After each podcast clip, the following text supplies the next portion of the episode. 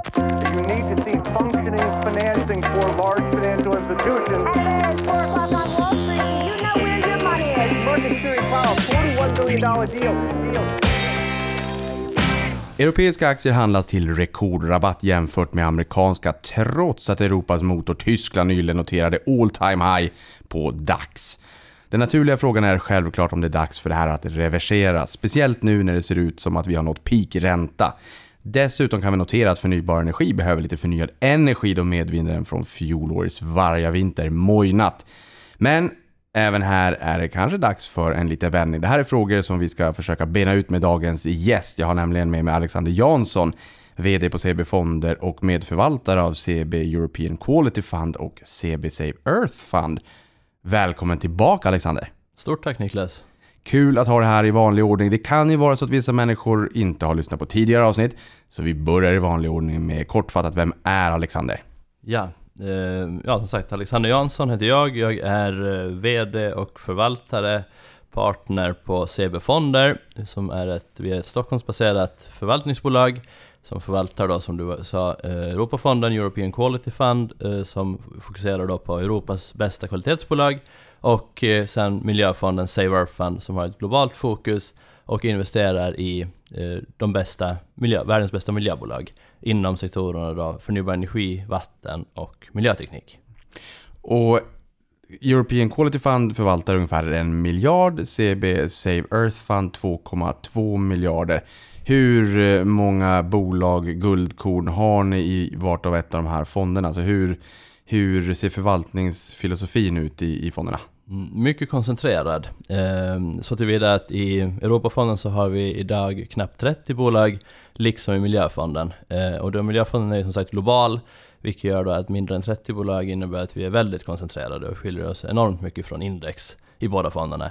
Och det är del, då, som en del av vår aktiv etiskt långsiktig i våra ledord.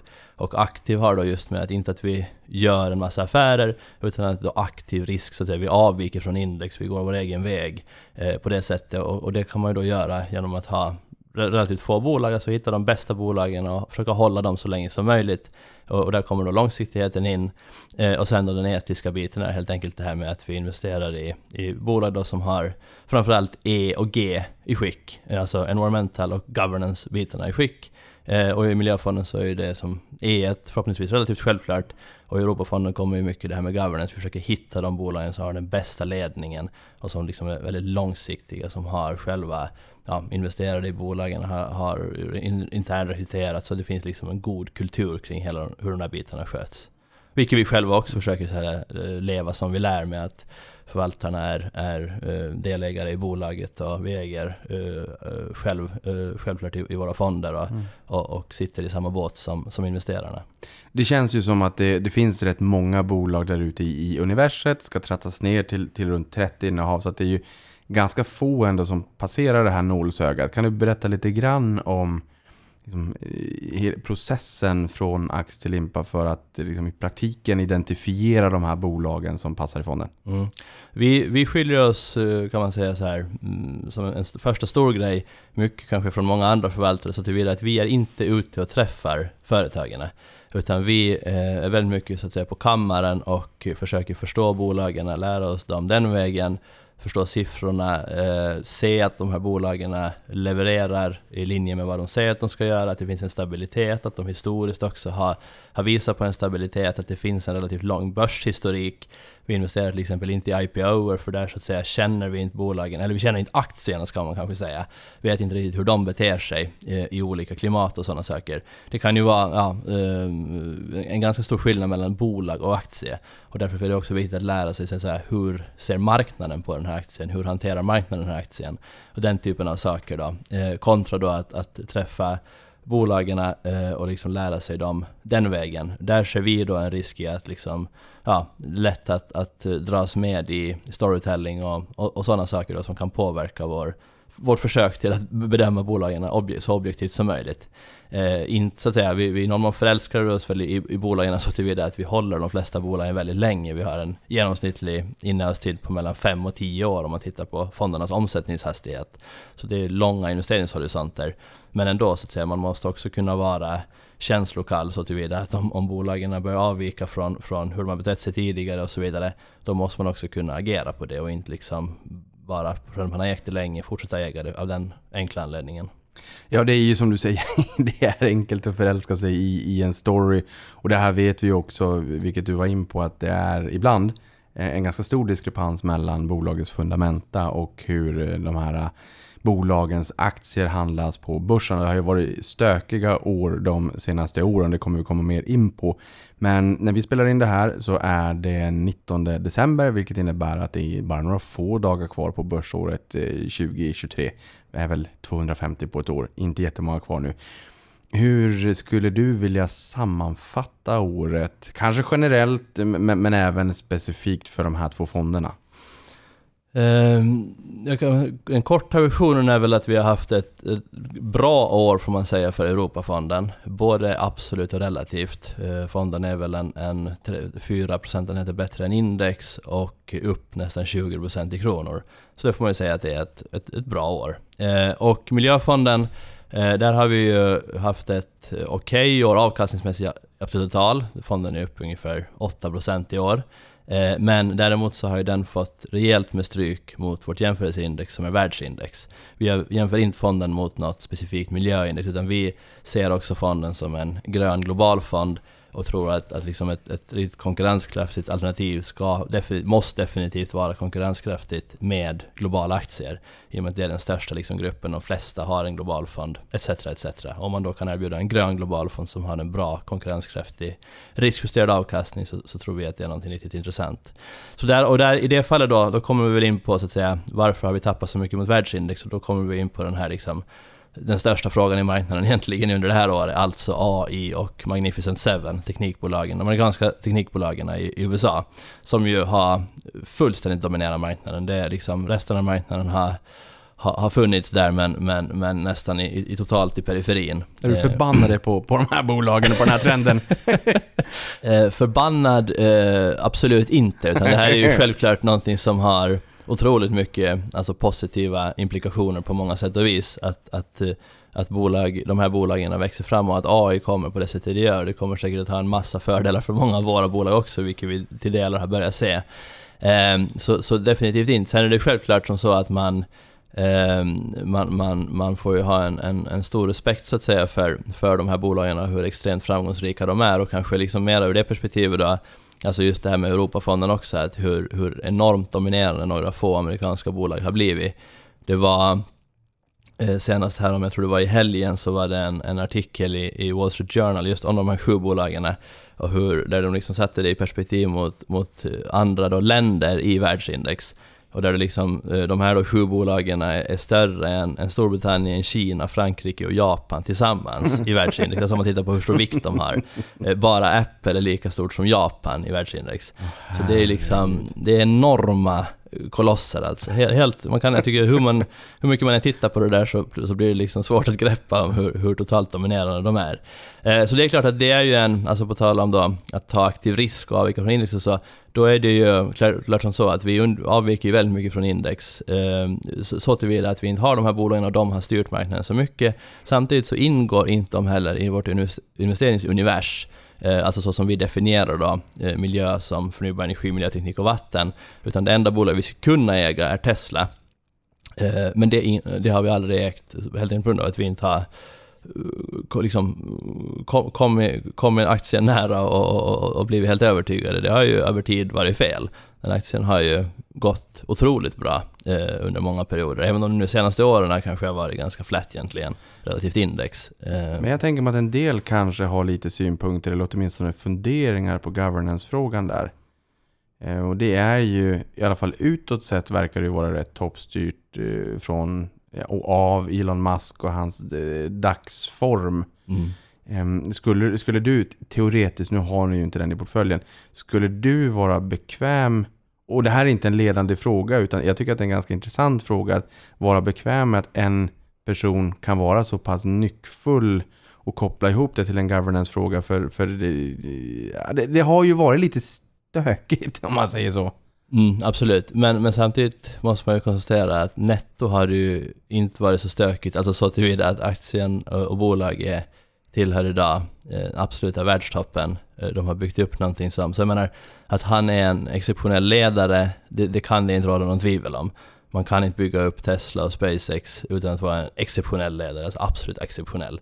Sen är det som så att exceptionella personer har ofta en del, så det är liksom svårt att skala bort allt dåligt från en bra person. Då tar man också antagligen bort också eh, andra saker. Steve Jobs var inte heller en onyckfull person, utan det var också en mycket nyckfull person.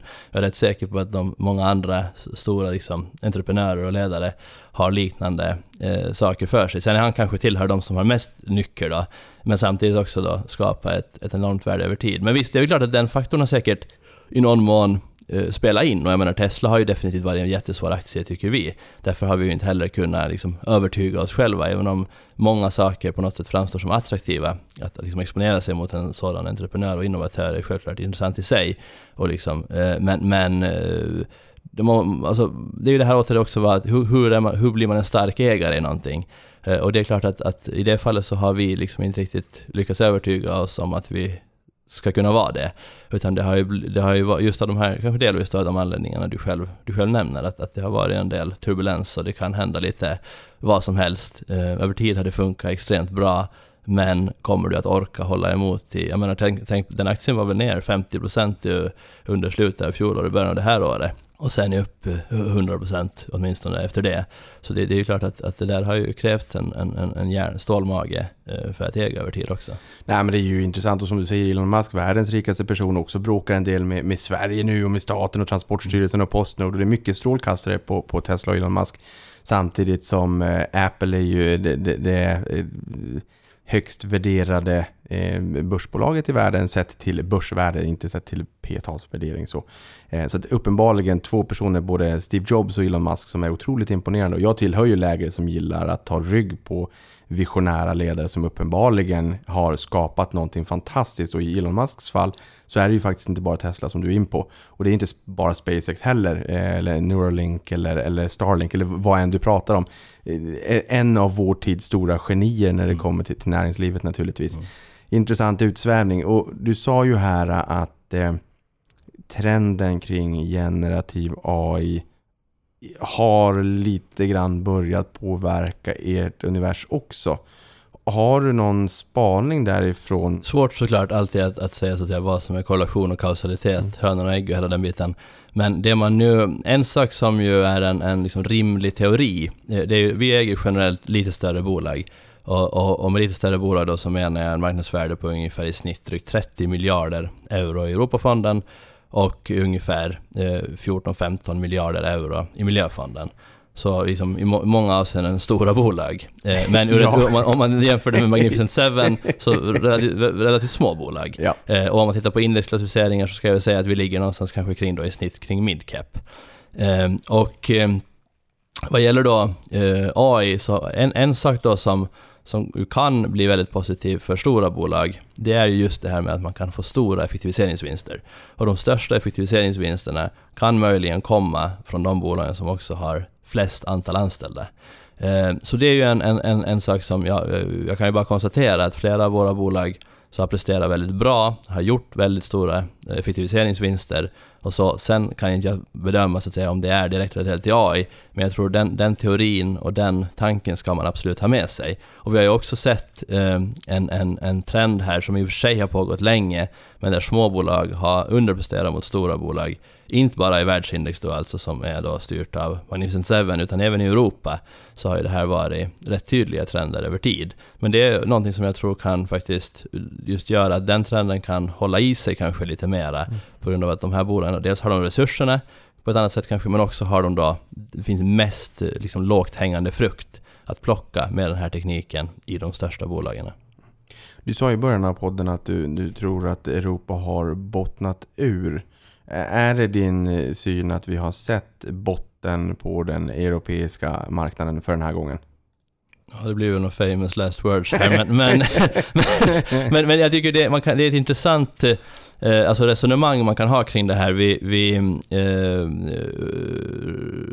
Europa har ju haft en exceptionellt lång period av underavkastning både mätt då i antal månader, sedan 2007, alltså mer eller mindre 15 år har Europa underkastat mot USA. Och även i styrka eh, underavkastning på nästan 70 procent från toppen till botten. Eh, och det som då hände i Europa i fjol, eh, djupt tragiska då med att, att eh, Ryssland gick in i Ukraina och det utbröt ett fullskaligt krig. Eh, det, efter det, så i samband med det tror jag, så fick, var det liksom många som, de som fortfarande var investerade i Europa, så liksom kände att nu får det vara nog. Nu, nu har det gått dåligt jättelänge och nu är det som krig. Nu, nu får det vara nog. Eh, och efter det tog det inte så länge, så i oktober i fjol, 2022, eh, så bottnade Europa mot USA, åtminstone hittills.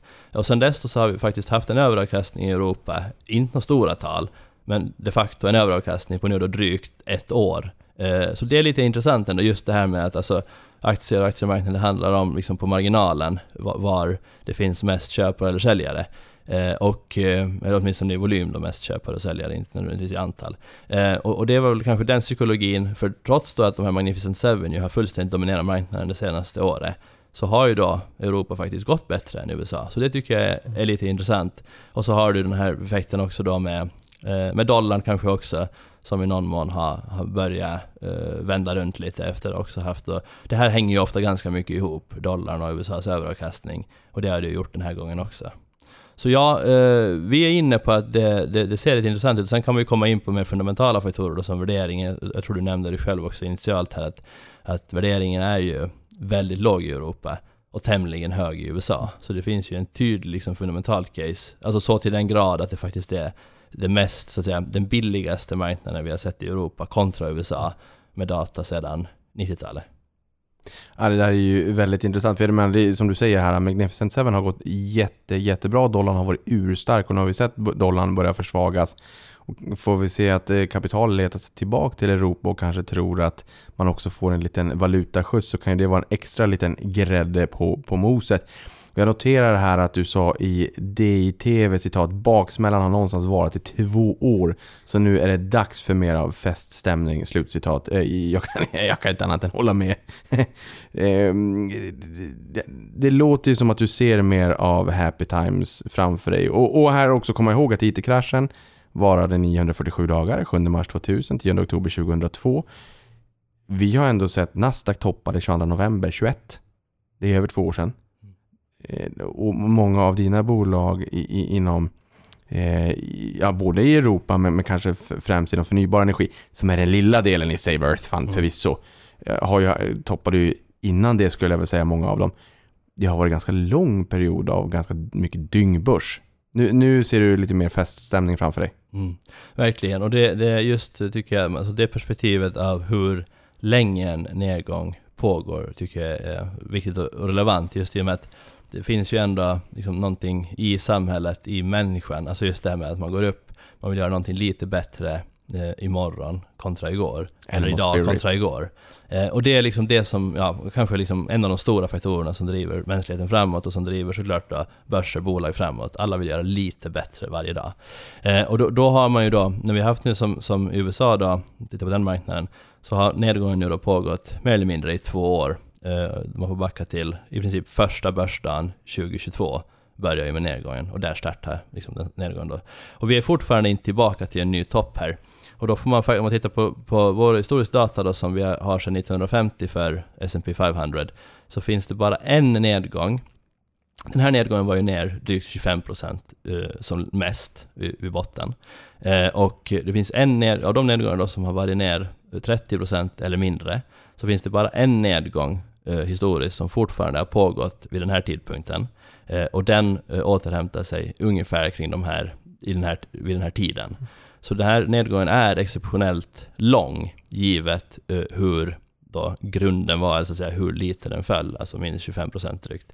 Och, e-, men även de, om man tittar på de större nedgångarna, så är det faktiskt med data sedan 1950 enbart IT-bubblan som har fortsatt att gå ner från den här tidpunkten, alltså två år in i nedgången, så har alla nedgångar varit inne i återhämtningsfaser, utom IT-bubblan som faktiskt börjar gå ner på nytt vid den här tidpunkten. Dock var ju den nedgången redan mycket större, eh, så att säga, vid den här tidpunkten. Den nedgången hade ju varit ner över 30 procent eh, då eh, innan vi kom till den här tidpunkten.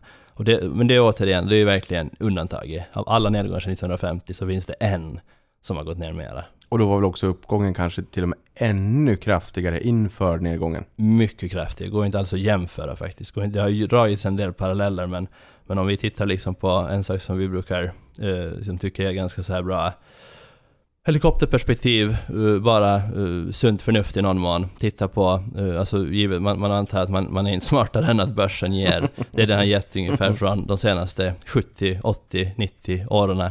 Uh, den trenden kommer att hålla i sig framöver. Eh, och då kan man konstatera att, att eh, de flesta marknader eh, ligger ungefär, eh, eller USA ligger ungefär vid sin långsiktiga trend, alltså har gett ungefär 6-7% realt per år.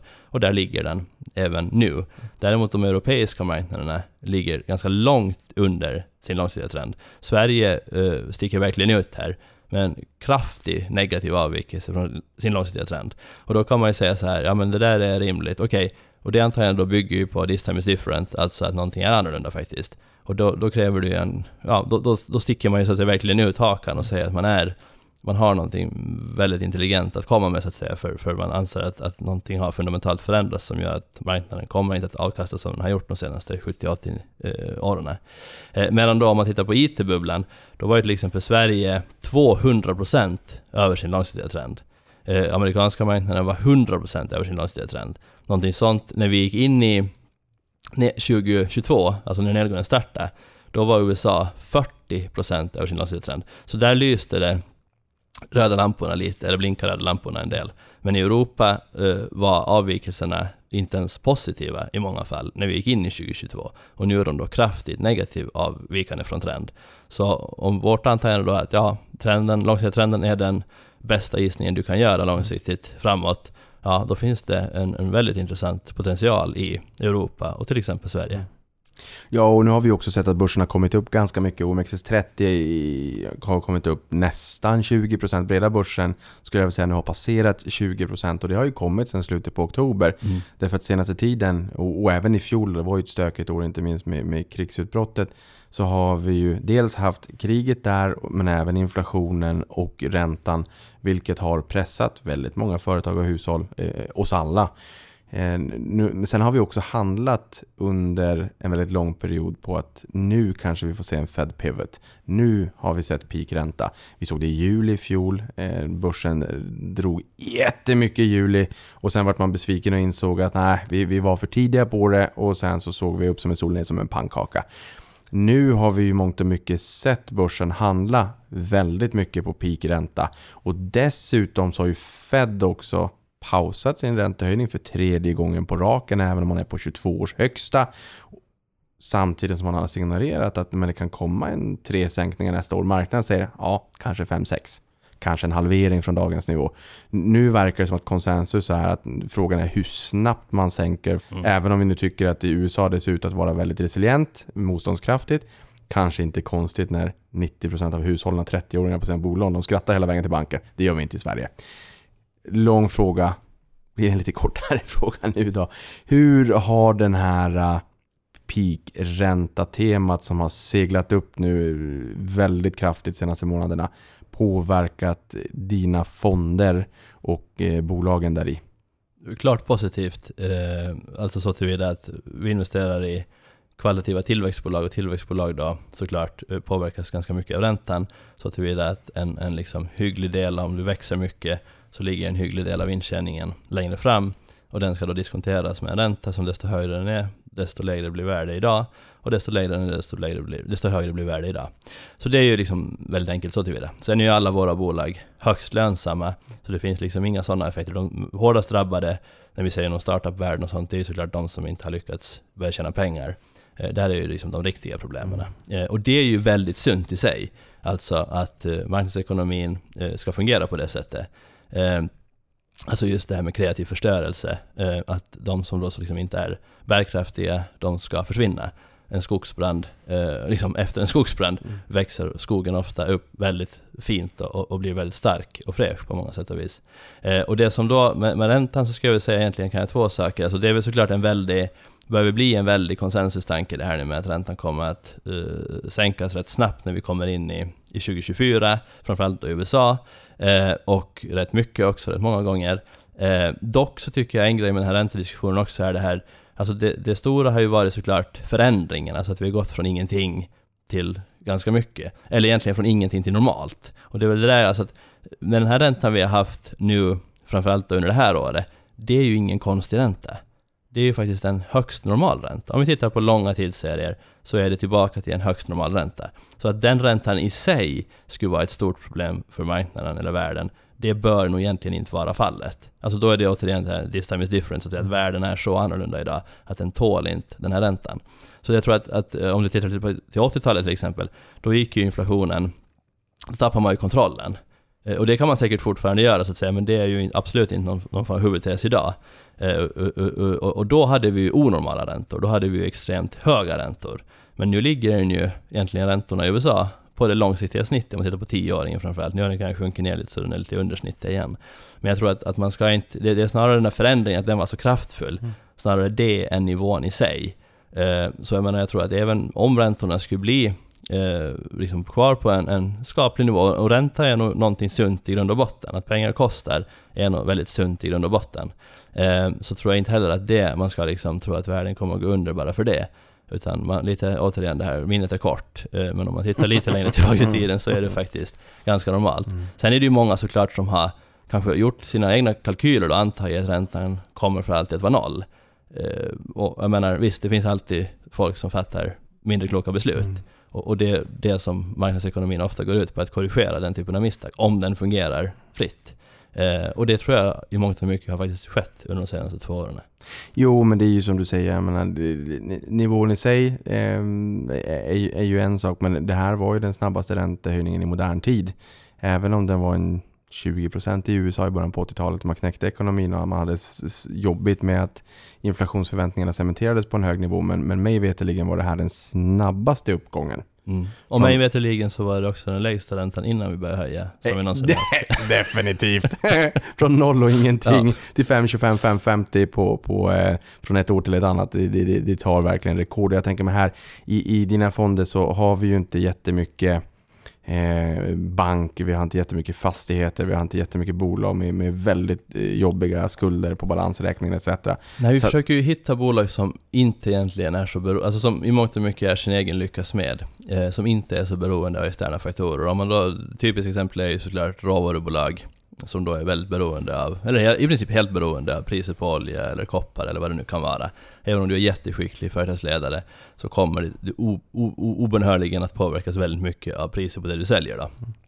Eh, samma sak är det med banker, att det är också beroende av en extern faktor, så tillvida att där är räntan väldigt avgörande, om det finns liksom en ränta eller om det inte finns en ränta. Eh, lite mindre, men, men ändå klart beroende av en extern faktor. Så absolut, så är det att, eh, att, att den typen av bolag har vi inte exponering mot, men samtidigt så, så generellt så är våra portföljer då eh, klart påverkade av ränteförändringar, eh, just på grund av då att, att de har en, en tillväxt och vinsterna då ligger mycket vinster ligger i framtiden i och med att de, de växer bra och snabbt. Men är det någonting utöver avkastningskravets påverkan och liksom lägre riskfri räntas påverkan på aktievärderingar överlag? Är, är det, finns det någon annan påverkan? Och det var det jag menade, ni har inte bank och ni har inte fastigheter, ni är liksom högt skuldsatta bolag. För där ser man ju tydligt vad, vad trevligt det blir om, om, om eh, räntenivån och finansieringskostnaderna sjunker tillbaka. Ehm, men är det liksom något område här som påverkar er extra mycket? Jag tänker kanske det här lilla benet i Save Earth Fund med förnybar energi. Ehm, nu är det så litet så att det, det nästan liksom, ja, inte existerar. Men, nej. men Men, det ju inget varit- tydligt område som Nej, är alltså fundamentalt, supervinnare. fun- fundamentalt kan vi egentligen inte se liksom att bolagen är, som, som du säger, alltså balansräkningar i skick och sådana saker är ju självklart viktigt om, om, om, pengar börjar kosta och kosta en, en, en mycket mer än de har kostat tidigare. Men, men där, vi kan inte se några fundamentala skillnader, egentligen det som nu har varit är ju värderingarna. Det är liksom den stora faktorn som verkligen har drivit det. Att man har, på grund av högre räntor, har man sänkt värderingen på många av de här bolagen. Så det skulle jag säga är den överlägset största faktorn. Eh, sen då såklart inom förnybar energi, om man tar det som område, nu har vi lyckligtvis inte haft någon exponering mot det, men om man tar till exempel då bolag som, som bygger vindparker och liknande, det är klart att de har påverkats väldigt, väldigt mycket i och med att det här är enormt kapitalintensiv verksamhet. Och när kapital då börjar kosta och kosta ganska mycket, åtminstone relativt vad det har kostat tidigare, så blir de här kalkylerna någonting helt annat. Och där har vi ju sett egentligen i princip offer på offer som har skördats av marknaden. Även de största har ju haft väldiga, väldiga problem eh, på grund av den faktorn. Men var det också det som var lite problemet under 2020 var ju ett pangår för förnybar energi. Det finns två, eh, två, tre utpräglade fonder i Sverige mot förnybar energi och det var ju standard upp minst 100%. Eh, pengar var billiga. Eh, då hade ju för sig energipriserna inte börjat rusa upp som, som vi såg under fjolåret med varje vinter och, och med kriget. Så. Men, men jag skulle säga att det var de billiga pengarna som, och plus att det var väldigt bubblig trend. Det var en väldigt stor hype. Var det liksom den kombon som gjorde att det var så febrigt? Eh, Jag skulle säga det, alltså just det här med att alltså världen blev ju galen 2020 i väldigt många avseenden. Ja, Folk jo. satt hemma och, och, och hittade på det ena efter det andra som i backspegeln förhoppningsvis framstår som kanske mindre genomtänkt. och och eh, om man tar det på aktiemarknaden så är det klart att alltså förnybar energi är ju en väldig storytelling-sektor. Så det går att, att, att verkligen berätta fantastiska historier. Och de flesta är ju också liksom på något sätt empatiskt eller liksom med hjärtat väldigt eh, positivt inställda till att ja, men det är jättebra om det, om det sker. Så man vill kanske tro på den storyn också med hjärtat lite mera än en liksom story om, inte vet jag, något infrastrukturprojekt som handlar om att bygga bostäder eller någonting. Alltså det är ingenting som de flesta kan går igång på på samma sätt. Så jag tror att den effekten, just att människor verkligen, alltså alla, eh, i princip, nu överdriver jag kraftigt såklart, men många satt hemma och, och, och trade och handla aktier. Framförallt i USA var ju den trenden jättestor med, med, med meme stocks och, och hela den biten. Och det blev väl någon form av lite sån hysteri också kring förnybar energi, för det man såg var väl egentligen att de som hade störst förluster, det var också de som blev mest populära. Och det kanske var någon form av eh, liknelse med de här meme-aktierna också, att de, de hade lite samma karaktäristik. Eh, och jag menar bränsleceller, eh, vätgasrelaterade bolag och sånt som i princip aldrig tjänar en, en, en krona, så, så gick eh, fantastiskt bra under den här perioden. Alltså 1000 procent var inte ovanligt. Eh, och det, det där händer ibland, det där har vi sett till exempel 2007, alltså innan finanskrisen, såg vi exakt samma tendens, men ungefär halva effekt, så att säga halva styrkan. Då var förnybar energi-aktier eh, upp ungefär 50% bättre, mera eh, än eh, globala aktier. Nu då 2020 så var den sektorn upp över 100% då, mer än globala aktier. Så det var, och, det där, och vad hände 2008? Jo, marknaden gick ner kraftigt.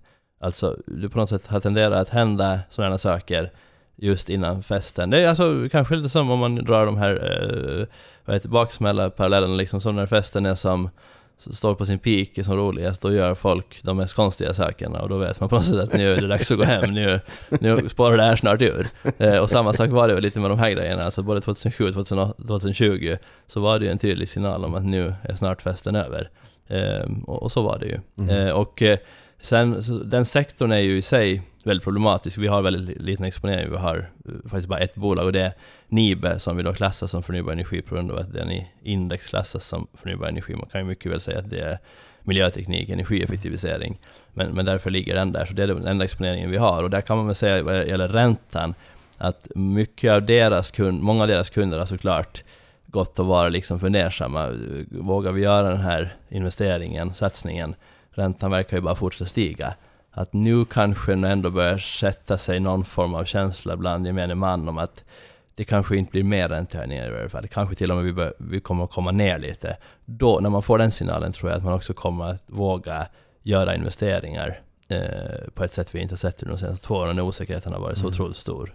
Ja, men det där är intressant och det där kommer vi komma mer in på. Nibe är ju en favoritaktie hos många.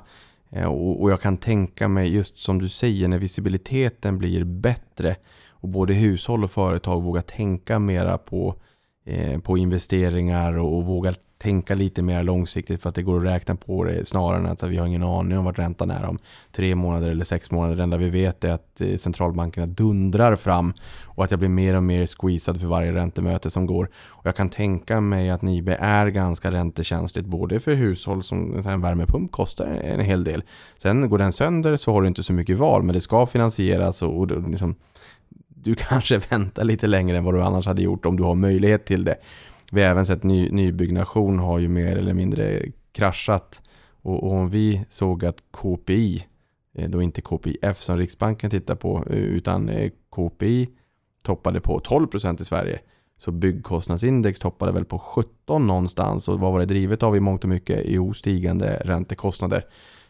Så att just räntan är en, en central del i, i, i, caset Nibe kan jag tänka mig. Men vi kommer komma in mera på det alldeles, alldeles strax. För att förutom inbromsande inflationstakt och peakränta eh, som i stor utsträckning har varit temat för det här året. Finns det något annat tema i, i, i ditt univers? Bortom inflationen, bortom peakränta som alla i marknaden pratar om. Är det någonting annat du tycker är väldigt intressant? Nu förutom det här jättevärderingsgapet då mellan Europa och, och eh, USA.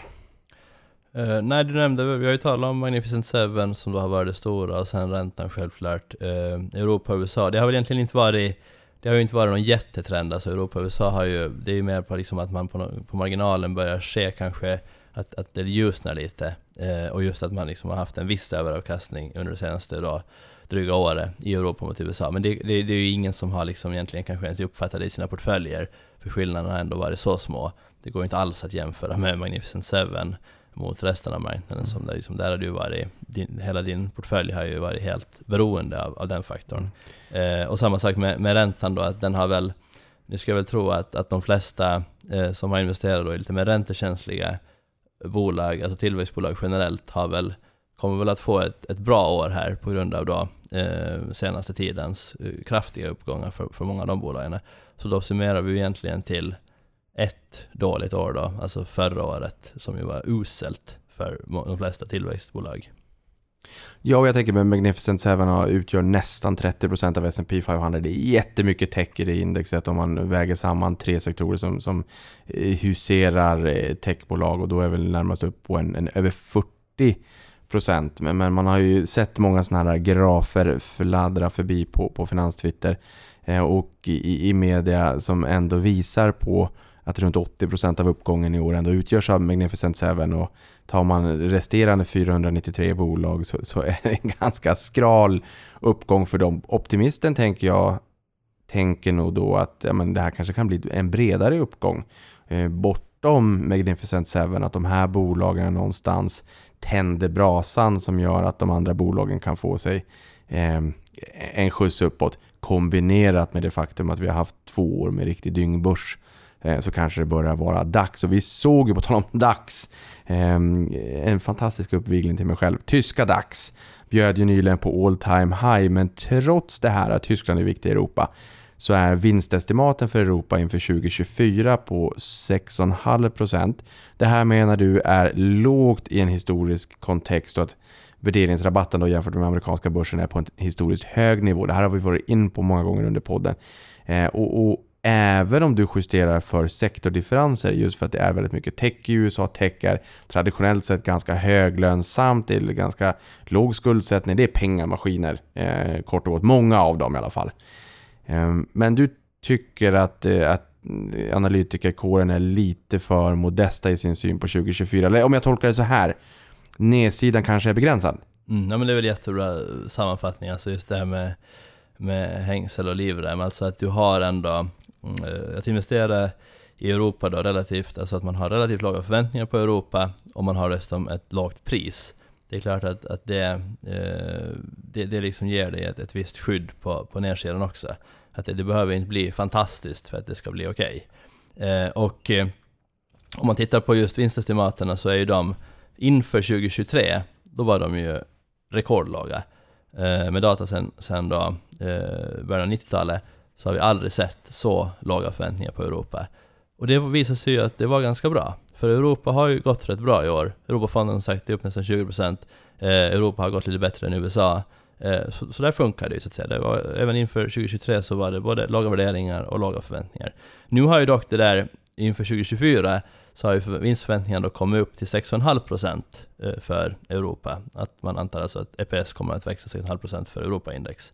Eh, Det är fortfarande då tillhör, det finns ja, förra året då, eh, 2022, 2016 och 2009. Då var det också lägre förväntningar, men det tillhör definitivt bland de lägsta förväntningarna vi har sett på, på europeiska vinster.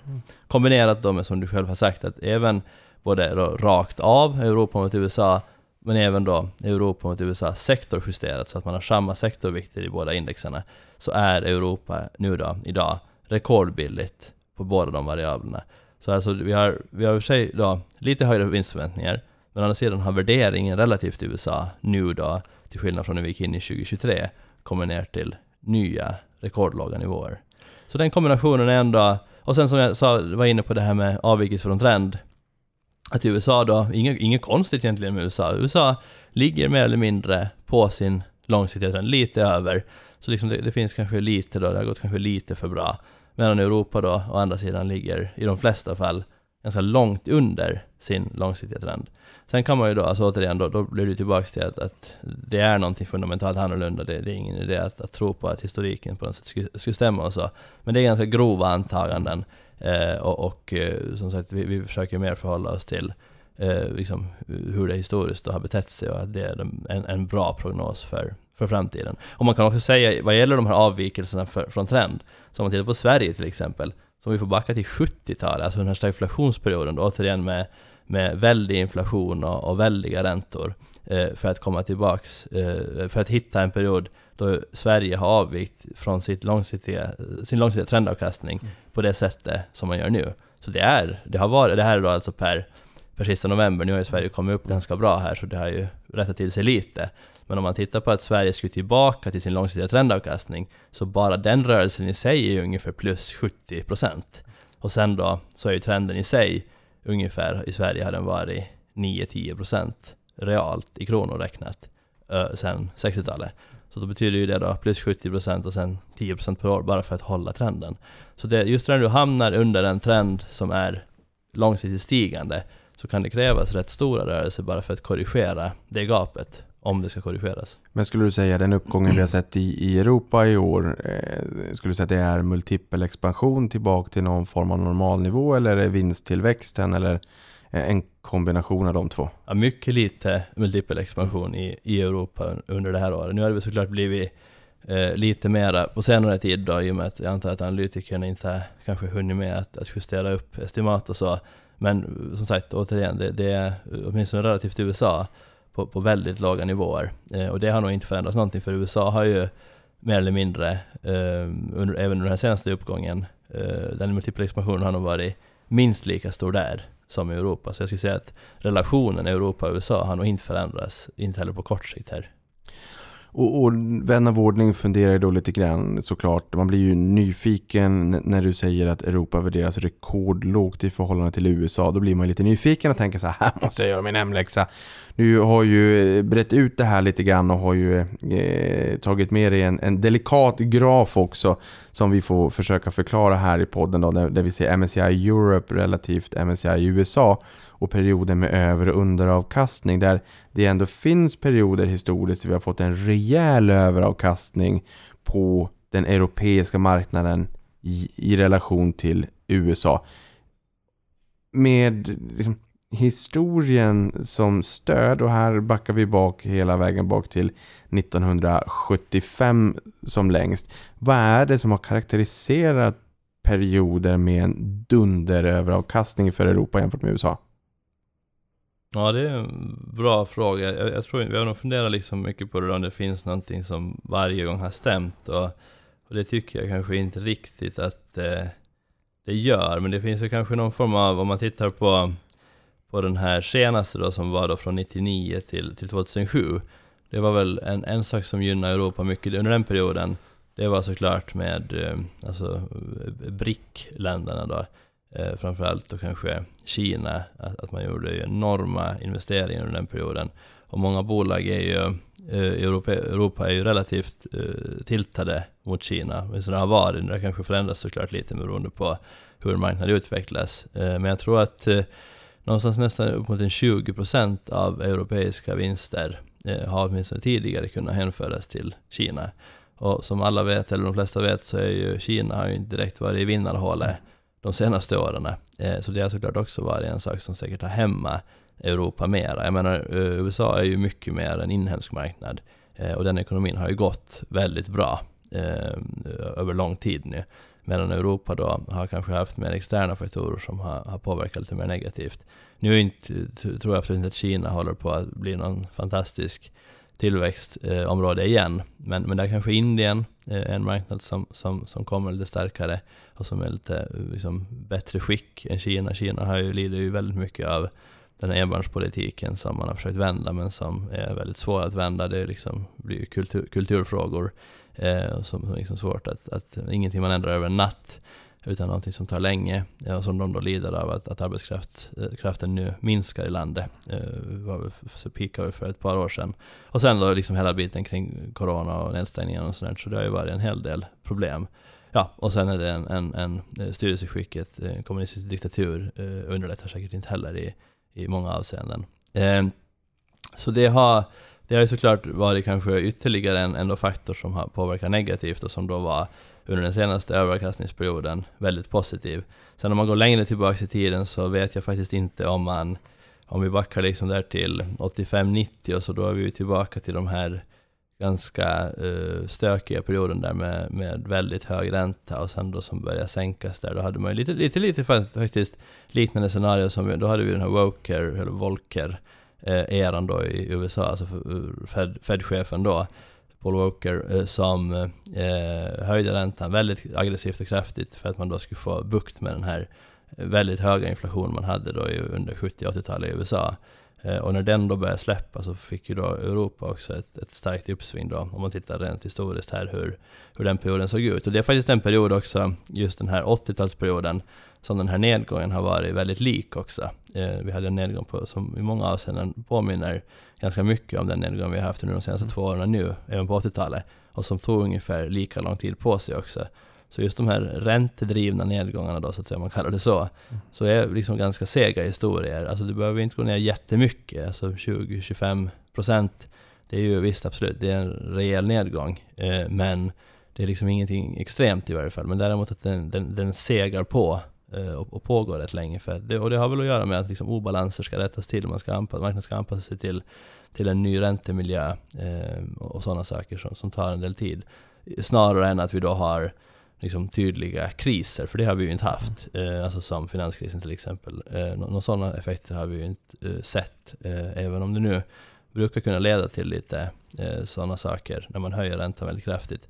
Vi hade ju väl eh, schweiziska bank, amerikanska och schweiziska banker där i början av året, eh, men det klarar ju marknaden av på ett, ett bra sätt får man säga.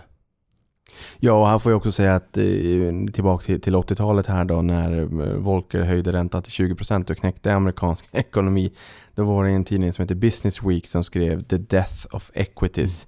Mm. Eh, och sen bottnade det ju 1982. Sen var det ju pangrally för, för börsen därefter. Inte minst för eh, tech har varit en, en extremt bra avkastning sedan dess. Så att eh, när, när någon säger att, eh, att aktier är döda så brukar de... Eh, man brukar få se en återuppståndelse. Vi får se om så är fallet i... Nu är ju inte europeiska aktier döda på något sätt. Men, men vad tror du är det som kan driva överavkastningen den här gången? Är liksom förnyat intresse för Europa?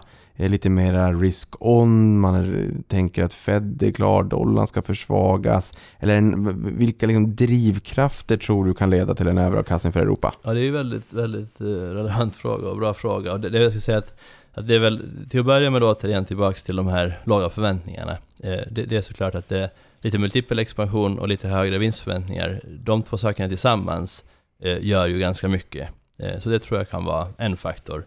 Eh, sen tror jag väl att, att eh, det kan såklart, eh, alltså om man har Alltså industri, industrin i Europa har väl, eh, det, det är alltid liksom makabert att tala om sånt här, men liksom kriget eh, har ju faktiskt också lett till sådana saker som att man, man har eh, dragit igång, eh, alltså hela vapenindustrin har liksom kommit igång i Europa på ett sätt man inte har sett på, på väldigt, väldigt länge.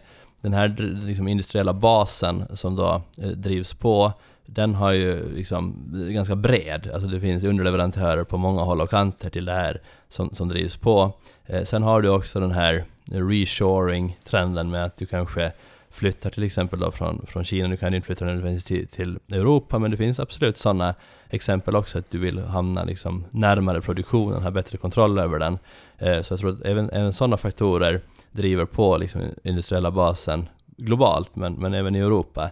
Eh, att du behöver ha, liksom, Europa ska kunna försörja sig själv, Asien eller Kina ska kunna försörja sig själv, USA etc. Du ska ha produktionsanläggningar och hubbar som kan sköta sig själva lite oberoende vad som händer i den regionen. Eh, så, så det, det är också tror jag en, en ganska stark trend som har, som har drivit på den inriktningen. Vi har själva i båda fonderna väldigt mycket exponering mot just industri eh, och ser rätt många positiva faktorer där. Och sen har du då också den här AI-trenden som vi tror att många bolag, eh, det kan liksom falla rätt väl ut för dem också. Relativt stora bolag som kan hitta säkert rätt mycket effektiviseringsvinster. Ja, rätt mycket industri, för vi kommer ju in lite grann på innehaven i fonderna, men European Quality Fund är som jag kan se nästan 47% industri om vi tar sektorviktningen och för eh, nästa fond, då, Save Earth Fund, så har vi en vikt på nästan 67% mot industri. Så det är ju ingen, eh, du överdriver ju inte när du säger att det är ganska mycket industri. Och med de orden, vart, eh, för att ta Europa då, eh, eh, vart hittar du mest eh, värde bland europeiska aktier just nu och vart allokerar du mest slantar? Uh, ja, som, som jag var inne på här så är väl, alltså Sverige är ju också en ganska betydande uh, övervikt för oss. Det är väl inte den största enskilda övervikten. Uh, även om det inte är den största marknaden så är det den största övervikten i uh, åtminstone Europafonden. och det är ju en marknad som har, alltså just det här med tror jag Norden kanske har lidit generellt av att man, man på grund av då också invasionen i, av Ukraina Alltså att man har eh, haft ett, alltså, internationella investerare har, har mångt och mycket liksom sett på, på länder som okej, okay, är det här ett, ett NATO-land eller är det inte ett NATO-land? Är det inte det så, så lämnar man bara helt enkelt, spelar inte så stor roll utan det, det är liksom den stora frågan. Sen i takt med att det där kanske har lugnat ner sig lite och man har insett att att, att eh, ryssarna har begränsade resurser såklart och, och liksom hotet i, i, så tillvida har, har gått ner så tror jag även att liksom riskviljan eh, har, har kommit upp lite mer för, för Sverige Norden. Eh, men också såklart att, att riskviljan i stort i marknaden, som vi då tror är på väg tillbaka, gynnar ju såklart lite mer perifera marknader då, om man uttrycker sig så. Mm. Alltså lite mindre marknader som, som man lätt att lämna om det stackar till sig. Och sen kommer man tillbaka om, om, om saker och ting ser bättre ut. Så, så absolut är ju, är ju det en marknad. Sen har vi ju eh, rätt eh, Sen är ju vi, alltså det är inte så att vi, vi utgår från marknaden egentligen överhuvudtaget, utan vi letar bolag Eh, Eh, och, och i och med att vi har relativt, eller väldigt få bolag också så blir den faktorn väldigt viktig. Så liksom vi kan inte heller sitta och välja utgående från land utan vi har ju eh, Frankrike, eh, Storbritannien, Holland, Schweiz, Sverige eh, är ju stora eh, marknader i, i fonden. I Europafonden framförallt då. Eh, miljöfonden har ungefär 50% i USA och sen så är då eh, i mångt och mycket samma europeiska marknader, stora exponeringar där också. Så vi är ju väldigt koncentrerade även på landsnivå. Mm. Om man tittar på Europafonden till exempel så är det väl nästan 30% av, av Europaindex eh, som vi inte alls täcker med avseende på länder. Tittar vi på Europafonden så har ni ju ett antal tillväxtteman där i och det är energieffektivisering, digitalisering, hälsovård, halvledare och infrastruktur. Vilken av de här områdena känns lite extra lockande nu då? Um, ja du, bra fråga. Alltså, jag, jag tycker, alltså själva halvledare och den biten, det, det är liksom så uppenbart eh, liksom lite mer räntekänsligt. Så det kanske kommer, alltså om man, om man tittar riktigt kort sikt så tror jag väl kanske att det är den sektorn och den faktor, liksom den sektorn som har fått mest uppsving av just bara ränterörelsen då i och med att det är väldigt mycket tillväxtbolag. Eh, och, och således också då handlas av marknaden eh, på, på, det sättet. Eh, sen så är ju det är klart, hälsovård har ju varit en, en, en otrolig trend. Det är väl framförallt eh, Novo Nordisk där i vårt fall då som, som är den stora exponeringen. Och det där, eh, ja, det där kan ju bli eh, lite, lite hur, stor, hur stort som helst så att säga. Den, den, den, slår ju verkligen igenom på alla sätt och vis. Nu senast har man ju sett att de har den här ehm, eh, substansen och GLP-1 som man använder sig av så är ju, eh, påverkar ju även, har man sett, eh, intresset av att röka vilket är ett, ett eh, inte obetydligt problem i samhället. Nej. Att dricka alkohol, alltså nu pratar vi om de som dricker alltså för mycket, inte bara mm. att dricka. Eh, så liksom det här slår igenom, inte bara på hur mycket hur intresserad man är av mat, utan liksom allt fler saker. Och, och vi talar om de största samhällsproblemen vi har fetma som kan kopplas ihop med liksom, ja självklart hjärt-kärlsjukdomar då som är, är den största dödsorsaken eh, och sen då även cancer i, i, i många avseenden som också är eh, den då andra mest vanliga eh, Eh, orsaken till att, att man dör. Så det är ju väldigt stora saker som är i rörelse här. Eh, väldigt, väldigt spännande och där, där tycker jag är extra spännande också om man tänker på den här eh, AI-biten som vi har talat om väldigt mycket, alltså hur, hur mycket som kan komma att hända inom just hälsovårdssektorn eh, tack vare AI Det kan ju eh, snabba upp mycket eh, researcharbete och, och förbättra och komma fram med nya saker på ett, ett väldigt spännande sätt, eh, tror jag. Ja, och där har vi varit in på Apple här tidigare under avsnittet också. Vi pratade om Elon Musk och Steve Jobs på Apple och Apple har ju sagt det att är det någonting de vill bli ihågkomna för Eh, så är det just deras fotavtryck inom eh, hälsovård, det sa Tim Cook för ett antal år sedan i en intervju när den rosa tidningen sa att Apple bara är äppelmos, nu är de finaste dagarna förbi. Så var ju inte fallet i slutändan, men just det här sjukvård och hälsovård med fokus kanske hälsovård och vad tekniken kan hjälpa oss med där.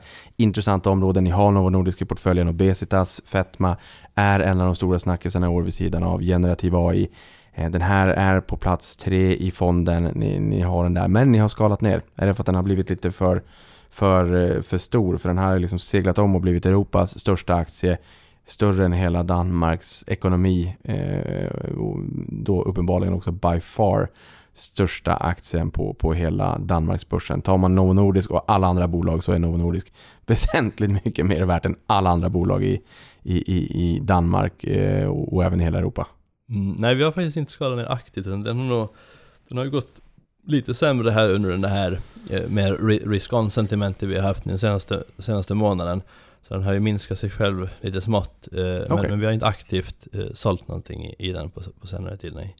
Eh, och då är det väl egentligen samma sak om man går tillbaka till en annan stor, historiskt en stor vinnare som Nibe, eh, så, som vi har i Miljöfonden då, så den har vi inte heller aktivt sålt någonting eh, under de här senaste två åren, men den har ju varit väldigt duktig på att minska sin egen vikt. Så det där är ju oh, så att säga eh, sådana faktorer som inte helt ovanligt, eller ganska vanligt i vår portfölj, så att säga att aktier som går bra får också öka sig av sin egen kraft och aktier som går sämre så minskar eh, sin vikt av egen kraft. Eh, och sen då i, i, gör vi vissa eh, omviktningar då att, att vi aktivt eh, då köper mer och, och, och säljer av. Eh, men, men just den rörelsen är, är, inte helt är, är det vanliga. Det blir en finansiell darwinism i portföljen.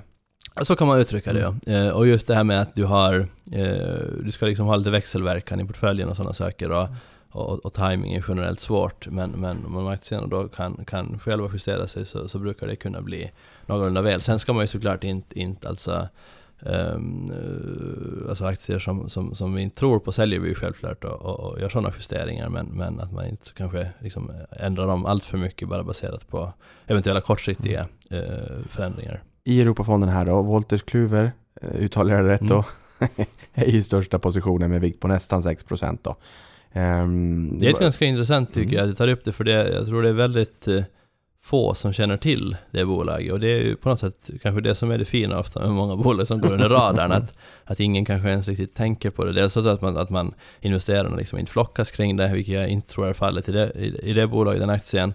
Och sen också att deras liksom business på något sätt går lite under radarn, ingen som riktigt sätter, liksom tänker ens på att, att det där området finns och det skulle man vilja eh, angripa för det är hög lönsamhet där. Och de är ju alltså eh, lag, liksom compliance-material, lag, lagmaterial, eh, medicin, eh, allt inom sjukhus liksom, och, och, och läkemedelsindustrin och sånt. Rättigheterna liksom till alla publikationer och sånt inom, inom de områdena eh, så sitter de på. Och de har lyckats digitalisera sin affär också till en sån här SAS-modell som har varit väldigt lyckad eh, och liksom gick, gick bra smärtfritt och som dessutom då också har fallit ut väl så tillvida med avseende på då organisk tillväxt och också lönsamheten. Det är ett holländskt bolag. Eh, finns väl egentligen kanske uh, Relx uh, finns det ju i Storbritannien, eh, en konkurrent, men, men där är den också liksom duopolliknande marknad. Och lite naturliga monopol så tillvida att liksom, du kan inte ha allt för många aktörer som äger rättigheterna till, till de här sakerna. Eh, och som gynnas också tror vi, till exempel compliance är ju någonting som man i den här branschen eh, vet att växer så det knakar. Ja. Så liksom, där mm. finns det också en, en, en, tydlig tillväxt inom, inom bland annat det området. Inom Save Earth Fund då, så investerar ni i förnybar energi, miljöteknik och vattenhantering. Där vattenhantering som jag förstår är det, det, det mest mogna området följt av miljöteknik. Vilket innebär att residualen av det här då är ju förnybar energi som är den, den mindre delen och det, det var ju där det också bubblade febrigt 2020 som vi har varit in på eh, tidigare här under podden. Vilket av de här områden tycker du är allra mest spännande? Vart skulle du säga att det bubblar mest just nu? Ja, eh, det har väl... Och, och, när jag säger bubbla, Mm. för, för det har lite negativ klang i och med att vi har pratat mycket om 2020 och att det var febrigt och bubbligt. Men, men, men, men vart, vart är temperaturen som högst då? Ja just det. det, det är väl det att den har väl som sagt, det har väl, det har ju inte ens sjudit utan det har ju varit, vattnet har ju varit helt iskallt kan man säga de här sektorerna. Så vi har ju, vi kan ju konstatera att, att eh, både miljöteknik och eh, förnybar energi, de sektorerna har båda haft tre år i rad med underavkastning mot globala aktier. Och man kan väl säga att, att eh, 2021 var väl då väldigt mycket baksmälla. 2020 var helt fantastiskt, 2021 baksmälla. 2022 var ju ett sånt här år som egentligen allt som hade gått bra de senaste fem åren gick riktigt dåligt 2022. Det kom liksom en ny marknad med eh, värdebolag började gå mycket bättre än tillväxtbolag och, och, och, och hela den biten. Banker gick bra, försvarsbolag gick bra. Och sen då 2023 har ju varit då Magnificent Seventh, året så att säga. Så, och, och ingen av de här sektorerna, de har lite Tesla, förnybar energi och miljöteknik i sig. Men det är det enda de har exponering mot, mot Magnificent Seven. Så det har varit ett tydligt år då, där de, eh, liksom, de, de, de sju bolagen har påverkat relativutvecklingen väldigt negativt. Eh, och det här då är ju unikt. 2010 till 2012 hade vi också en period där eh, miljöteknik och förnybar energi samtliga gick sämre än världsindex tre år i rad. Året efter så vände det ganska skarpt i båda fallen till tydlig överavkastning mot världsindex. Så liksom egentligen om man går tillbaka till sådana saker, att sentimentet där också är väldigt negativt. Vattensektorn har klarat sig lite bättre. Den har bara haft då bara eh, två år i rad med underavkastning mot världsindex. Å andra sidan, den sektorn har ju haft en historik av att vara väldigt, väldigt stabil som du, du nämnde. Och under, när det väl har gått dåligt i den sektorn så har vi talat om enstaka procent sämre, alltså 1, 2, 3 procent sämre än världsindex.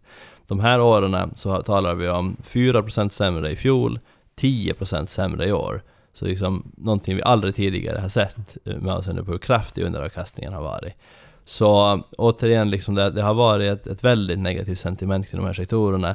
Och baserat på liksom historiska mönster så tycker vi att det ser upplagt ut för att det kunna komma en, en ganska fin återkomst eh, 2024. Ja, för det. På era Twitterkonto skrev du nyligen att det finns säsongsmönster och trender som talar för CBC Earth Funds huvudsektorer som kan bli potentiella vinnare 2024. Eh, nu har du varit in på hur historiken ser ut och att det här är liksom ja, men lite grann av eh, permafrost som det inte har varit eh, på, på väldigt, väldigt länge. Upplagt för en, en revansch nästa år. Ja men lite, lite alltså Always in Words har väl Charlie Munger om jag har förstått saken rätt. Och, och det är väl lite egentligen det vi talar om här också. Titta på 2020, det spårar ur. Och, och det är lite omvänt här nästan kanske. Det finns liksom alla, alla har lämnat festen. Då, då, då kanske man kan, då, då kan man på något sätt eh, se att, att, att från den här nivån så kan man få igång någonting skapligt igen. Och sen då 2020, ja då var alla, då var alla där. Då, då fanns det liksom ingen, fanns ingen utrymme för någonting som kunde komma in utan då kunde det bara bli sämre. Och lite, lite omvänt ska jag säga mot, mot det. Och det är lite som marknaden i stort, liksom viss manodepressivitet, liksom att det var, gick från fullständig eufori till nu någon form av total depression. Och, och, och- nu tror jag att, det kan, nu tror vi att det kan börja tina upp från, från de nivåerna. Just förnybar energi, eh, som vi har varit in på lite grann, som sagt, eh, minsta området i, i fonden. Men det var ju väldigt mycket diskussion om förnybar energi i fjol med, med krigsutbrottet i Ukraina. Och man pratade om vargavinter och det var väldigt höga energipriser och vi såg elstöd och det var allmänt väldigt jobbigt. Till att vi såg någonting som saknar motstycke i historien, eh, säger jag, på, i brist på bättre vetande. Just där man såg hur otroligt adaptiva vi, vi människor är. Med hur företag ställde om, hur, hur hushåll ställde om och saker och ting man kanske aldrig har funderat kring. Ja, men då var man där och stötte och blötte och vände på stenar och, och kapade onödig energiåtgång och sådär. Jag vet i Tyskland såg jag att det var 20% i vecka efter vecka efter vecka med mindre eh, energiefterfrågan. Och många häpnade. Vad är det som händer? Men där och då insåg vi också att vi var inmålade i ett hörn. Vi satt i en rävsax vad, vad gäller energisituationen med, med beroende av rysk olja och rysk gas, i alla fall mer av Europa ju, ä- ä- än Sverige. Men, men nu är det ganska annorlunda och vi har inte de här jättehöga energipriserna. Den här medvinden från diskussionen, debatten, energifrågan i fjol, har den mojnat? Jag skulle säga att den kanske inte har, den har väl breddats skulle jag säga. Alltså just det här med att du nu har i de flesta sammanhang slängt in kärnkraften som en, en faktor eh, att ta hänsyn till. Och jag menar, det här är ju lite grejen med förnybar energi. Det finns många saker där som vi alltid har sett som lite, lite problematiska. En naturlig faktor är om vi tittar på vattensektorn då, det, det, liksom, det finns ingen substitut. Eh, förnybar energi, det finns ganska många substitut. Alltså du kan Ehm, du kan köra på fossilt såklart, som, som många gör, Kina, Indien till exempel. Eh, och så kan du eh, komplettera dem med förnybar energi. Och så har du då eh, eh, kärnkraft. Eh, och där har du, eh, alltså inte bara då traditionell kärnkraft, utan där har du ju i USA, så är en av de hetaste trenderna just eh, fusionskraft. Alltså att man ska kunna få ett genombrott där. Och det har man ju haft faktiskt under de senaste två åren, ganska stora genombrott. Så tillvida att man har ju de här testanläggningarna där man kör så har man ju lyckats få ut nu för första gången mer energi än man sätter in i de här processerna, vilket liksom har varit det man har siktat på väldigt länge. Sen är det såklart alltid morgondagens liksom, teknik. Det, det har alltid varit så att det bara, bara man läser det, bara man läser det, har man sagt i, i flera decennier. Men om man tittar på eh, Sam Altman till exempel, så, alltså OpenAI, eh, grundaren eller vad ska man kalla honom, vdn i varje fall, eh, återigen. Eh, så så han, han, Ja, han, har återigen, ja. egentligen, han har ju egentligen två bets, alltså just det här med att han, priset på intelligens ska liksom komma ner och bli, liksom intelligens ska bli nästan gratis då via, via AI. Och den andra är ju då energi, att du ska få ner priset på energi till nästan noll. Så hans bett där är ju väldigt mycket på, på fusionskraft då, att få det att fungera. Och just där, den kombinationen kanske med AI, vad det kan göra, alltså det, det kan ju ha enorma implikationer också på all form av sån research som görs och leda till stora teknikgenombrott. Så jag tror att förnybar energi är ju, och, och det är bara en sak så att säga, sen har du ganska så stora strukturella problem inom förnybar energi. Alltså om man tittar till exempel på vindbolagen så är det ju, eller både vind och sol, men, men eh, gäller ju det att, att priserna faller rätt ordentligt. Så du har liksom hela tiden produkter som, som går ner i pris som du ska sälja. Du har, eh, om man tittar på till exempel då Vestas som ändå är global marknadssätta eh, på vindturbiner, så är det ju eh, många olika externa faktorer som påverkar dem. Till sen, under de senaste åren och då så har det ju varit i form av att fraktpriserna under framförallt då fjolåret, året innan, gick i höjden. Och om du ska åka runt i världen med Eiffeltornet, så att säga lite eh, raljerat uttryckt, så, så är det ju liksom eh, faktorer som påverkar väldigt mycket. Eh, byggkostnader nämnde du själva i Sverige, de har fullständigt rusat. Så det är sådana saker, råvarukostnader för torn och sådana saker som, som spelar stor roll. Alltså många externa faktorer. Eh, och sen då eh, i solsektorn, där har du det problemet att du har ingen serviceaffär. Så du har egentligen, du är hela tiden beroende av ny försäljning, du har ingenting att falla tillbaka på. Det är ju ändå liksom fördelen med då vindsektorn, att där har du en stor serviceaffär. Eh, och, och, e-, men även då trots att Vestas nu har en, en väldigt stor serviceaffär och tjänar bra med pengar på den, så är det ju trots det väldigt svårt eh, att få eh, en bra lönsamhet och en stabil lönsamhet. Utan det blir väldigt mycket jojo. Det går liksom riktigt bra under vissa perioder men sen går det också riktigt dåligt. Så netto liksom, du kommer egentligen ingen, ingen vart med det där, utan det blir det är som den här cykliska modellen att du, du, visst om du är duktig på att köpa på botten och sälja på toppen, då får du liksom till det bra. Mm. Men att köpa här och så hålla 10 år och sälja, då kan du antagligen vara ganska flat. Och det är egentligen det där, de där två sakerna som vi försöker skilja på också. Vi vill liksom hitta de här strukturella, eh, långsiktiga vinnarna som vi kan köpa och hålla och över tid blir det någonting bra. Snarare än det här då som kräver någon form av tradingstrategier nästan då, vilket gäller ofta inom förnybar energi. Till exempel då du får sådana extremår som 2007 och 2020. Är du med på dem, då kan din lycka vara gjord. Men den kan också vara, gå upp i rök Mm. om du är med sen de åren det går precis åt andra hållet. Thermo Fisher är största innehavet i Save Earth Fund. Vad är det som lockar med det bolaget? Eh, jag, jag tror att det är faktiskt eh, eh, Schneider Electric som är, är största innehavet. eh, Jaha, dags- du har lite färskare data än mig för du sitter ju på Det- facit. Är det Det på är ju grund... inte helt orimligt Niklas. Det är inte helt... det är inte helt orimligt.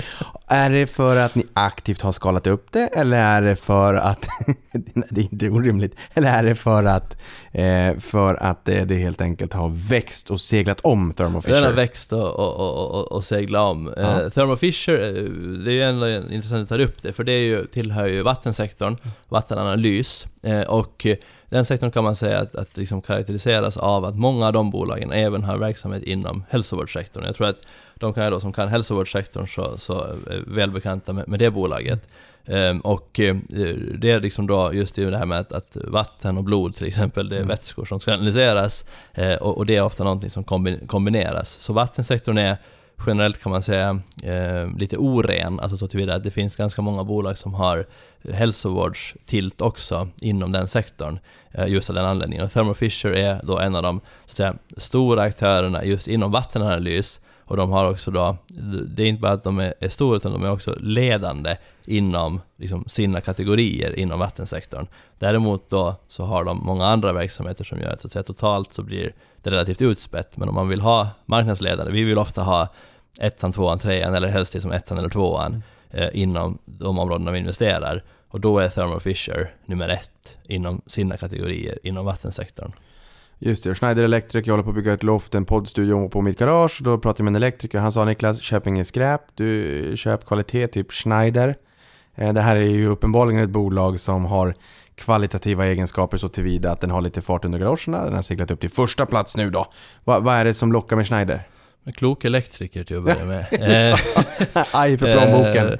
Eh, och, och eh, nej men Schneider Electric är ju ett, liksom kan man säga, vi har några case, Schneider, ABB, Legrand, som man kan säga att det är sådana här möjliggörare.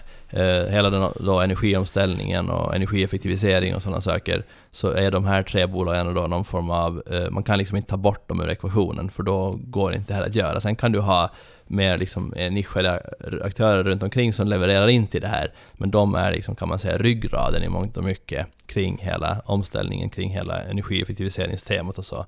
Så de har ju flera liksom riktigt stora teman de rider på. Det, sen är det såklart datacenter och sånt och som, som, om vi är tillbaka till AI igen då, den typen av grejer som fullständigt boomar och som de här bolagen i mångt och mycket är väldigt involverade i. Framförallt på, att, på grund av att många av de här stora techbolagen är ju väldigt fokuserade också på att ha olika net zero-mål och sådana saker. De vill ju ha, de konsumerar ju enormt mycket el, men vill då att den ska vara grön och framförallt också då i och med att de konsumerar så mycket vill de att de ska försöka få ner konsumtionen så mycket som det bara går.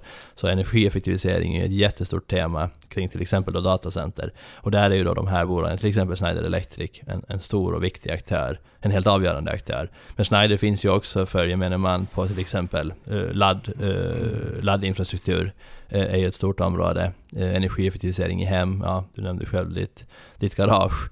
Smart energiinfrastruktur, alltså i form av att när man går in och ut ur ett rum så sköter det sig själv, så det tänds och släcks. Så att inte lampor står på till exempel när du har lämnat ett rum, utan den känner av det och, och sköter det automatiskt. Olika sådana saker. Det finns otroligt mycket lågt hängande frukt inom just effektiviseringsområdet. Och det är också en sån här röd tråd som löper genom hela vår portfölj, både inom vattensektorn och miljöteknik att hitta olika bolag som, som jobbar och har bra tekniker just inom effektivisering. För de teknikerna finns, de är bra, du som kund vill ofta ha dem för att du vet att det, det är liksom bra för din budget, din kalkyl. Så även i den här typen av tider vi har haft de senaste två åren så har just den här typen av bolag klarat sig väldigt bra på grund av att även då så vill du liksom minska eh, kostnaderna. Minskade kostnader låter ju väldigt trevligt. Det är någonting många vill göra. Jag hörde en podd, Placera-podden faktiskt, där, där det var en, en eh, fastighetsförvaltare som gästade och sa att 2040 så var det upp mot 80% av alla beräkningar som görs i globala datacenter kommer vara liksom, det var AI-beräkningar som görs. Så att vi ser ju verkligen en, en, en boom där just nu och är det någonting man vill spara om man är den stora techdrakar då är det förmodligen eh, energieffektiviseringar för att det är, liksom, det är ju hårda pengar det handlar om. Väldigt, väldigt stora pengar. Spännande trend. Någon annan som jobbar med energi är ju ABB. ABB och Alfa Laval eh, letar sig in på topplistan eh, och här lyfter jag dem för att det är svenska bolag, även Nibe kommer vi in på. ABB har schweizisk flagg, men, jag tror många känner att det, är eh, ändå ett, ett, ett hyfsat svenskt bolag. Vad är det som gör att de här föräras med en plats i fonden? Uh, ja, uh, Alfa Laval är ju verkligen ett, ett liksom bolag som, som tickar väldigt många boxar. Uh, just det att det liksom är, man har uh, en, en väldigt stabil ägare då i, i Tetra Val som då är liksom äger ungefär 30% av bolaget. Alltså just det här igen då liksom som är Nibe liksom att man har en ägare av, av, av kött och blod. och sen så har man också då väldigt liksom, bra tillväxttrender som, som ligger bakom bolaget. Energieffektivisering är ju även där, ett, liksom det, det, stora värmeväxlare är ju egentligen hur mycket det det handlar om, alltså deras liksom kärnaffär.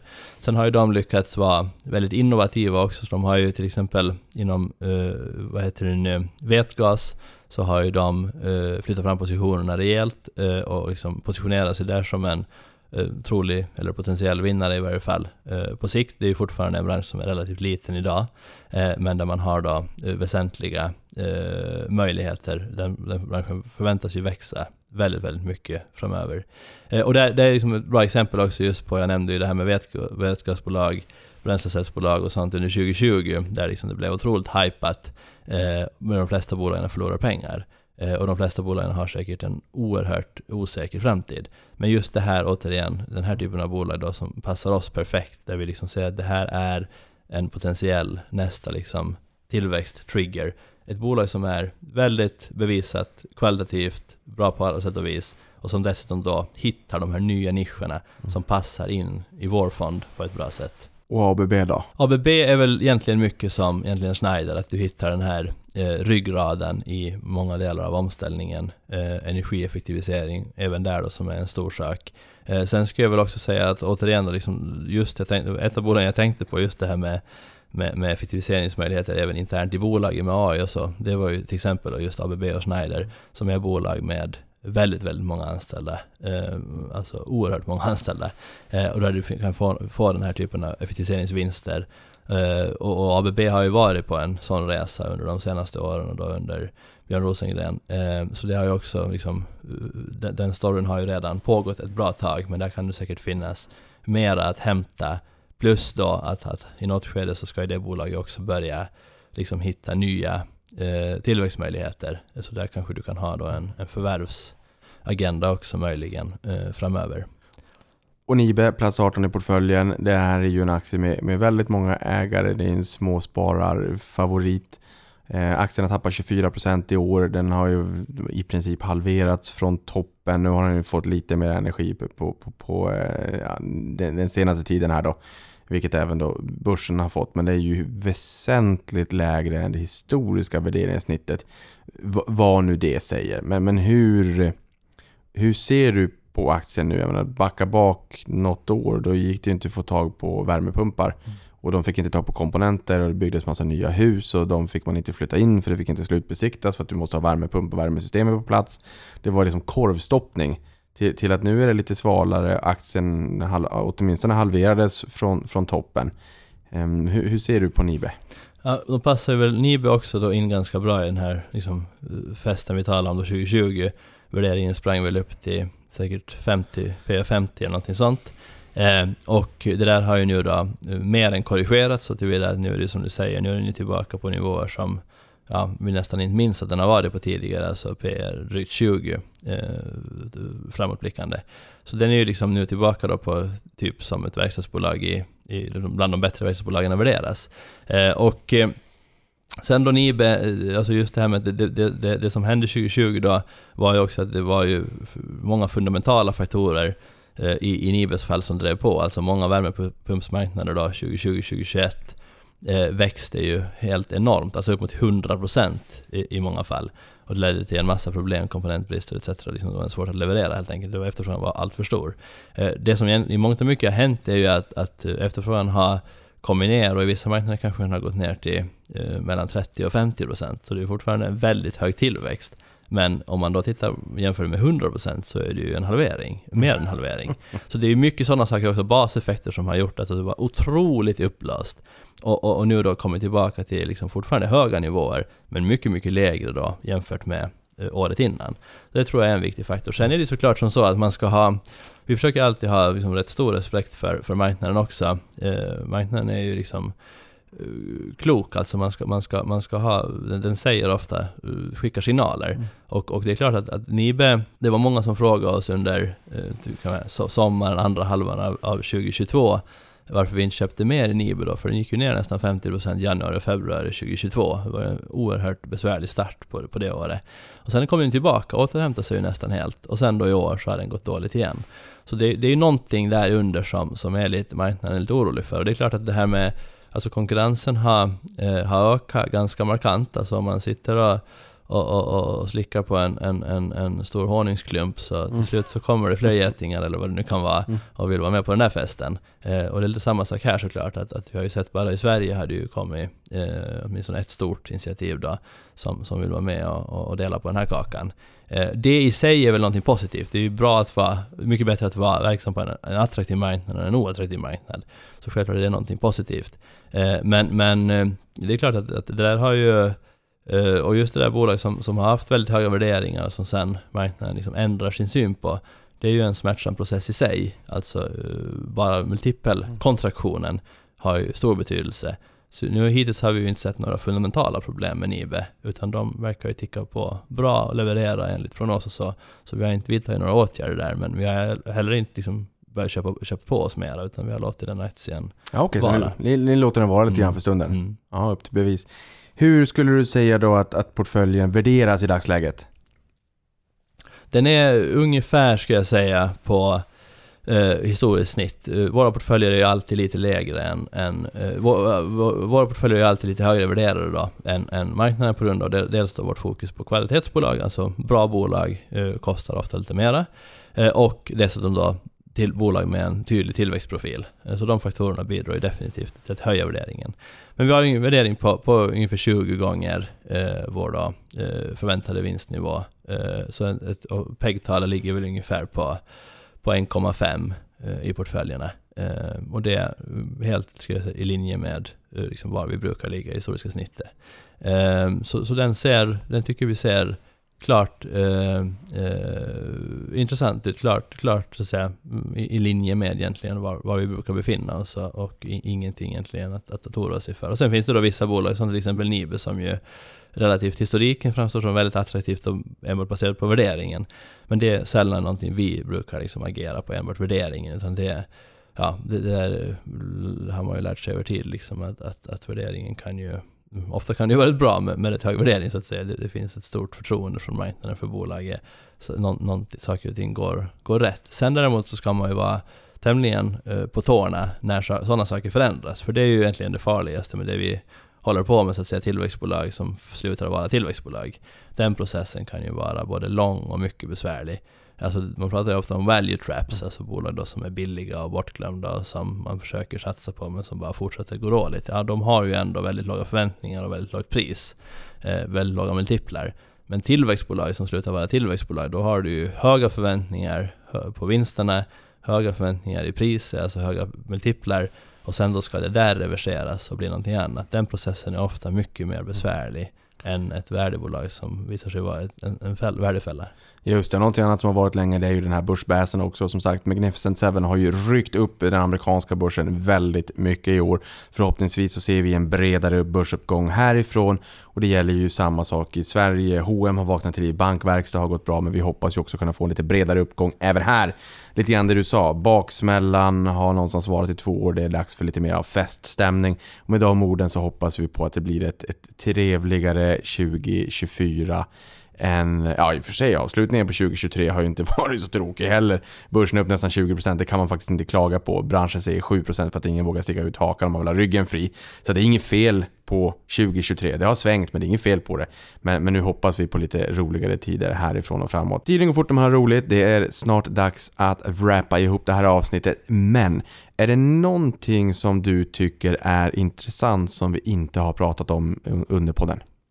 Ja men det kan väl alltid vara lite intressant att blicka framåt eh, och, och, och kring nästa år och så. Och eh, en sak som, som vi återigen då med liksom historisk data har ha, ha noterat som en, en lite intressant sak, det är att vi talar här om att marknaden är relativt, alltså USA då, S&P 500 är fortfarande i nedgång, alltså fortfarande lägre än då vid toppen i början av 2022. Men nu är vi inte så långt ifrån att nå en ny topp och vi, vi tror att det kan komma att ske här inom, inom kort. Eh, och vad kan man, då kan man fråga sig, jaha, vad händer då när vi får en ny topp? Och då har vi konstaterat eh, med historisk data sedan 1950 att när marknaden når en ny topp så finns det en lite extra positiv stämning i marknaden både på 6 och 12 månader efter den nya toppen. Och 12 månader skulle i princip då kunna sam, alltså vara samstämmigt med 2024. Så vi har sett att historiskt så har alla 12, alltså om man tittar på snittet för alla 12 månadersperioder för S&P 500 så har avkastningen varit 9%. Om man tittar på alla, snittet för alla 12 månadersperioder efter ny topp så är det snittet 11%. Ja, okej. Så du har en liten premie på, i marknaden så att säga, lite extra positiv stämning på något sätt och kanske lite det här med animal spirits, någonting som kommer liksom Mhm, tillbaka. mhm. Du har haft, du har liksom, ja men det är samma sak som du har haft tråkigt länge så blir du liksom lite extra glad när det sen blir roligt. Och, och, och, och, och sådana saker som kanske liksom inverkar där till att, att, att trycka upp marknaden lite till ändå det här snittet för alla 12 månader. Så det kan man väl säga att det är en, en, en, en liten spaning då kanske för, för nästa år. Vi är inte mer än människor. När det, när det är roligt så, så tenderar vi att ha roligt och kanske bli ännu mer glada och sen så blir det ännu roligare och sen så har vi helt plötsligt en ny tjurmarknad och eh, happy times are here again och inte the death of equities som den här tidningen skrev i, där, i början på, på 80-talet. Med de orden, Alexander, tusen tack för att du kom till podden och delade med dig av din klokskap. Stort tack Niklas och stort tack till alla som har lyssnat. Och stort tack för att du lyssnade på det här.